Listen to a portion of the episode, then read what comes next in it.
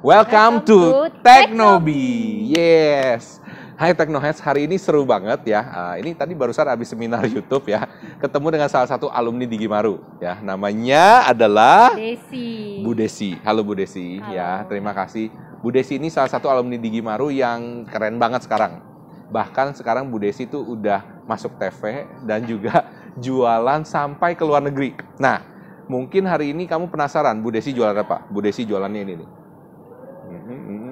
Apa ini? Nah, ini adalah boneka rajut. Hari ini saya akan minta Bu Desi untuk share mengenai 5 tips bisnis online kreatif gimana caranya jualan bisa sampai luar negeri. Oke, kita akan langsung lanjut sesudah yang satu ini.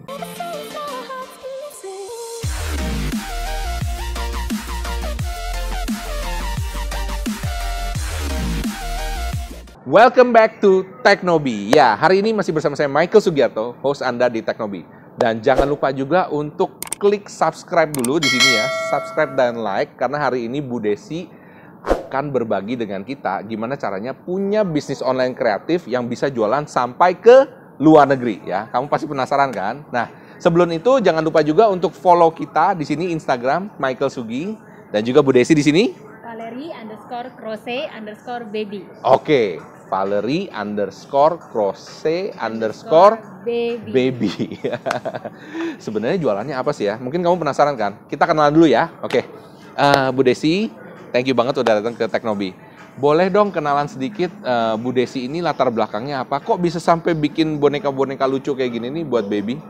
Gimana nih ceritanya? Latar belakang saya sebenarnya saya dulu kerja kantoran. Kerja kantoran, Hmm, oke? Kerja kantoran dan saya pendidikan saya background saya tuh jauh banget sama yang namanya dunia seni-seni begini nih. Oke. Art-art begini tuh Hmm. jauh banget. Cuman ternyata Tuhan menentukan jalan saya di sini gitu. Ini kalau boleh tanya, ini yang bikin siapa nih? Ya, bikin sendiri? Tim pengrajut saya. Tim pengrajut. Tim pengrajut. Jadi kita Wow.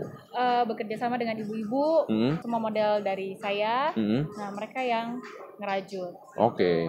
Tapi standar kualitas semuanya ketentuan dari saya. Oke. Jadi memang di awal sudah ditetapkan ya. Nah, itu bedanya sih kalau pengusaha ya. Kalian menciptakan peker- lapangan pekerjaan. Kalian menciptakan lapangan pekerjaan buat orang banyak. Mungkin kalian nggak nyangka ya, cuma kayak apa eh, boneka rajut seperti ini lihat nih kualitasnya. Cakep. Oke. Ini pakai benang apa nih ya? Katun. Benang katun. Oke, ya. Ini kayak gini cute banget kan? Cute banget ya. Ah, cute. Ini yang eh, dikirim sampai ke luar negeri yang mana nih? Yang boneka bani-bani. Boneka bani-bani yang ini ya? Bani-bani. Ini yang Ah, paling laku ya? paling laku model-model kayak gini karena ini warna-warnanya juga warna-warna luar ya. Iya, iya. Ini warnanya eh, soft banget ya. Cakep gitu warnanya. Pastel. Iya, kelihatan mahal gitu ya. Oke, eh, mungkin eh, sesudah cerita sedikit mengenai Valerie Crochet, ya kan? Mungkin Bu Desi bisa bantu buat teman-teman, buat technoheads ya yang di rumah yang pengen tahu gimana sih caranya kalau punya bisnis online kreatif yang kayak begini, yang unik ya, tapi bisa sampai dijual ke luar negeri ya. Mungkin tipsnya Bu, silakan.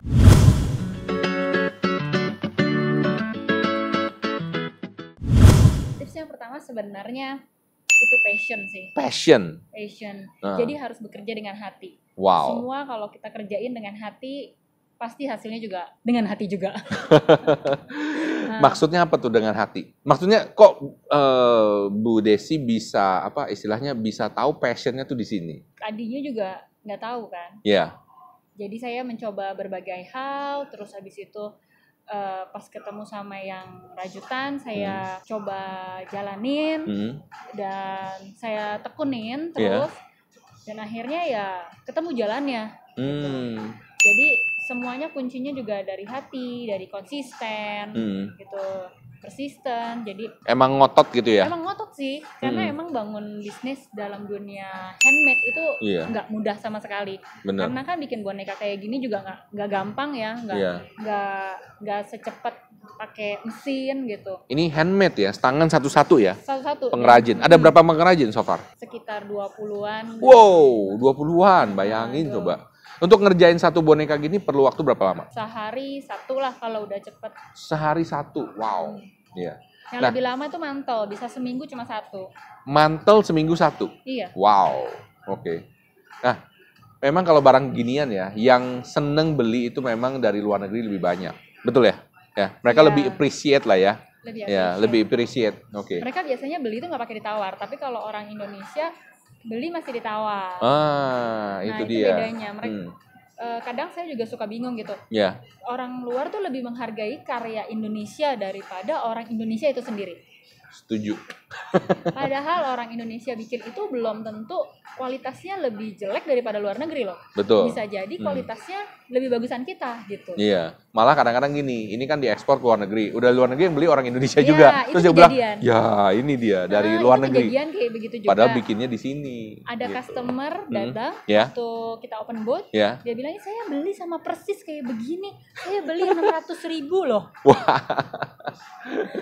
kalau boleh tahu ini berapaan harganya? Kalau misalnya ada yang mau beli nih. sekitar 185 sampai 200an Serius? iya Wow. Kalau mau beli eh, ke mana nih? Ke IG ya tadi ya? Instagram, Instagram. bisa di web juga Bisa di web juga. Webnya apa? valericrose.com valericrochet.com. Oke, nah ya kalau kamu tertarik pengen beli itu. Nah, oke tadi tips pertama adalah passion. passion Tips kedua apa nih?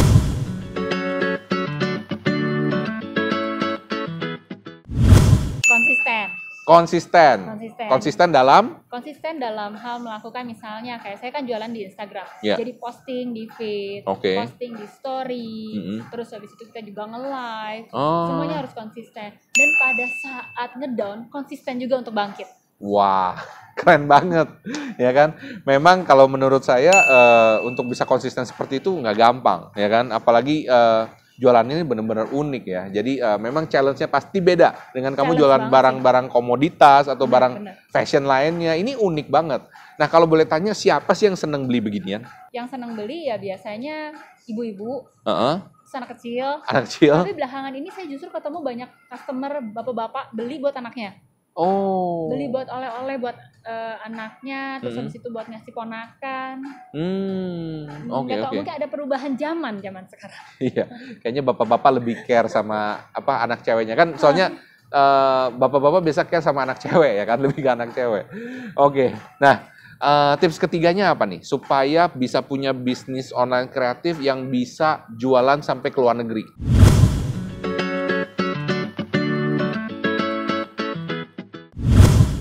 Kualitas Ah, kualitas harus betul. di itu harus kita bisa tahu kualitas di luar negeri itu seperti apa Mm-mm. dan kita harus samain kualitas kita tuh sama mereka kalau bisa tuh di atas mereka gitu loh Wow. jadi kayak misalnya boneka Hmm. ini pun eh, saya pemilihan dari benangnya Hmm, terus habis itu di dalamnya ini dakron di dalamnya Iya, itu pemilihannya juga khusus dan pemilihan warnanya juga juga penting benar jadi benar. kita marketnya mau ke mana kalau Hmm. misalnya marketnya kayak ke Korea Ha-ha. gitu mereka warna-warna yang kayak begini Ada berapa negara so far yang sudah pernah ini mesen? Amerika Amerika? pernah Ha-ha. terus habis itu Singapura Singapura, ke Australia Australia, terus kalau yang direct selling itu ke Taiwan hmm, ke Taiwan, oke.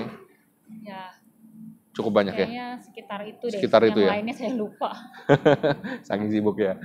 Eh, kalau boleh tanya, kemarin bisa sempat masuk TV, TV apa tuh? Nah, TV itu UCTV yang pertama Oke. terus habis itu Jawa Pos Oke. Jawa Pos TV JPNN ya kalau nggak salah ya. Nah, terus habis itu ke TVRI oh oke. Baru itu aja sih Baru itu aja ya. Wah, cukup lumayan nih. Lebih ngetop dari mentornya sekarang. nggak juga nggak juga oke, tips selanjutnya apa nih?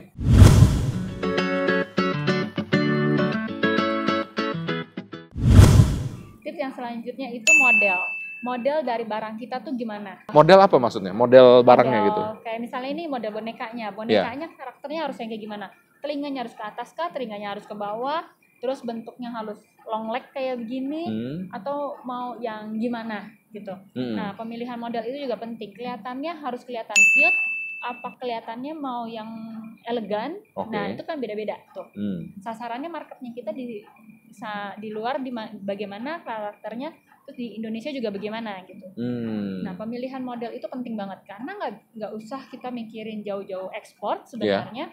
Di Indonesia pun kalau misalnya kita bisa jualan bagus juga oke juga. Dan di Hmm. Indonesia juga banyak kok ekspor-ekspor kan. Iya iya betul betul. Hmm. Banyak ekspat. dan Iya. mereka bisa bawa kok barang kita juga keluar juga gitu ekspor juga dong namanya itu kan Iya betul. Iya iya iya. Oke sangat menarik sangat menarik. Nah eh, tips selanjutnya apa nih?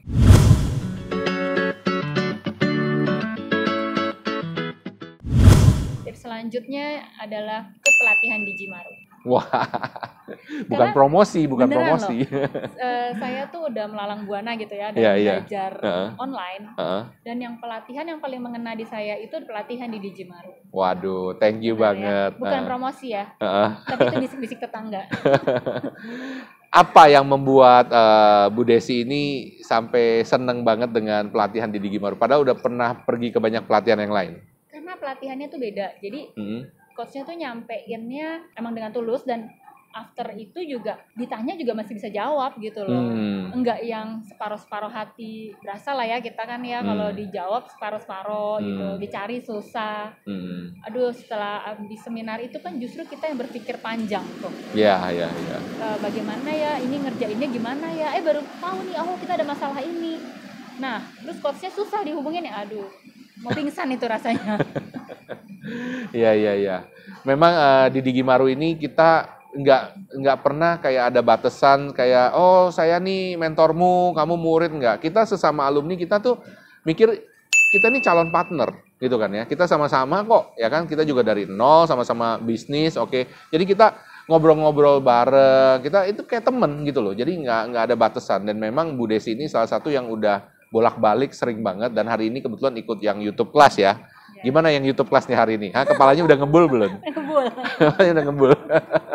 Jadi Bu Desi juga eh, lagi mau ngebangun YouTube-nya juga ya dan eh, nanti kita support ya, kita bisa dukung Bu Desi. Oke Bu Desi, thank you banget ya, thank you banget hari ini udah share sama kita eh, gimana caranya supaya punya bisnis online kreatif yang bisa sampai jualan ke luar negeri. Eh, oh ya, terus ada ini nggak ya? Maksudnya ke luar negeri itu sendirian apa sama Kadin sama apa sama apa gitu pemerintah ada nggak kayak gitu? sebenarnya gini saya mau sharing sedikit Ya. asal muasalnya pun saya dipanggil TV Hmm. saya dipanggil sama eh, pemerintahan setempat Ya. asal muasalnya tahu nggak dari mana Dari mana? balik lagi pelatihan di Jimaru Serius? Iya. Abis pelatihan di Jimaru, Hah? kan kita dipaksa ya sama Eh. coachnya tuh untuk maju. Oh, oke. Jadi abis itu eh, Kamu ngapain? Kamu ngapain gitu habis itu? Penasaran saya juga. eh, followers saya ya harus nambah. Oh. Makanya ikut pelatihan di Jimaru jadi tahu tuh ada seven secret kalau nggak salah. Iya, iya, iya, ya iya. kan? Itu di awal-awal banget. Sekarang udah awal. udah jauh lebih keren daripada itu. Mungkin sekarang udah jadi 10 kali. Itu aja udah cukup ya, sampai masuk ke TV, 3 TV dan kemudian Iya, iya. sampai dipanggil sama apa? kantor pemerintah. setempat. Heeh. Jadi juga itu eh, dari follower kita yang banyak itu, Hmm. mereka tuh begitu nyari misalnya mereka perlu bahan wawancara untuk yang industri kreatif Iya. untuk apa namanya pemberdayaan wanita Iya. terus habis itu untuk yang masalah baby Iya. Punya kita kan muncul Iya. otomatis kan Betul, betul. terus habis itu dari pemerintahan setempat juga butuh nih kayak misalnya eh, wilayah Tangerang kan karena saya di Tangerang wilayah Tangerang mana ya yang bisa yang bagus ya hasilnya Hmm. nah mereka akan kontak kita dengan sendirinya gitu Hmm. ibaratnya kita jadi gulanya semutnya yang Iya, datang semutnya yang datang. Mm-mm. Nah, itu bedanya. Jangan cuma jualan terus. Kamu harus branding, ya kan? Itu yang nomor satu diajarin ya. Kamu harus Iya. branding, branding yang benar, branding yang bagus. Jadi kamu jadi gulanya. Yang mau beli datang nyari kita. Nah, beda tuh, ya beda. Nah di Digimaru memang kita ngajarin itu. Oke, thank you banget Bu Desi. Thank you banget. Saya ucapkan semoga sukses selalu ya. Nah, saya doain semoga teman-teman lain, teman-teman Technoheads ya, yang punya bisnis online kreatif bisa sama kayak Bu Desi, masuk TV Amin. sampai jualan di luar negeri. Amin. Oke, terima kasih atas waktunya dan juga uh, semoga kita berjumpa lagi. Jangan lupa komen below kalau kamu ada pertanyaan apa pun mengenai industri online kreatif. Nanti saya pastikan Bu Desi sendiri yang akan jawab ya. Salam sukses spektakuler. Spektakuler.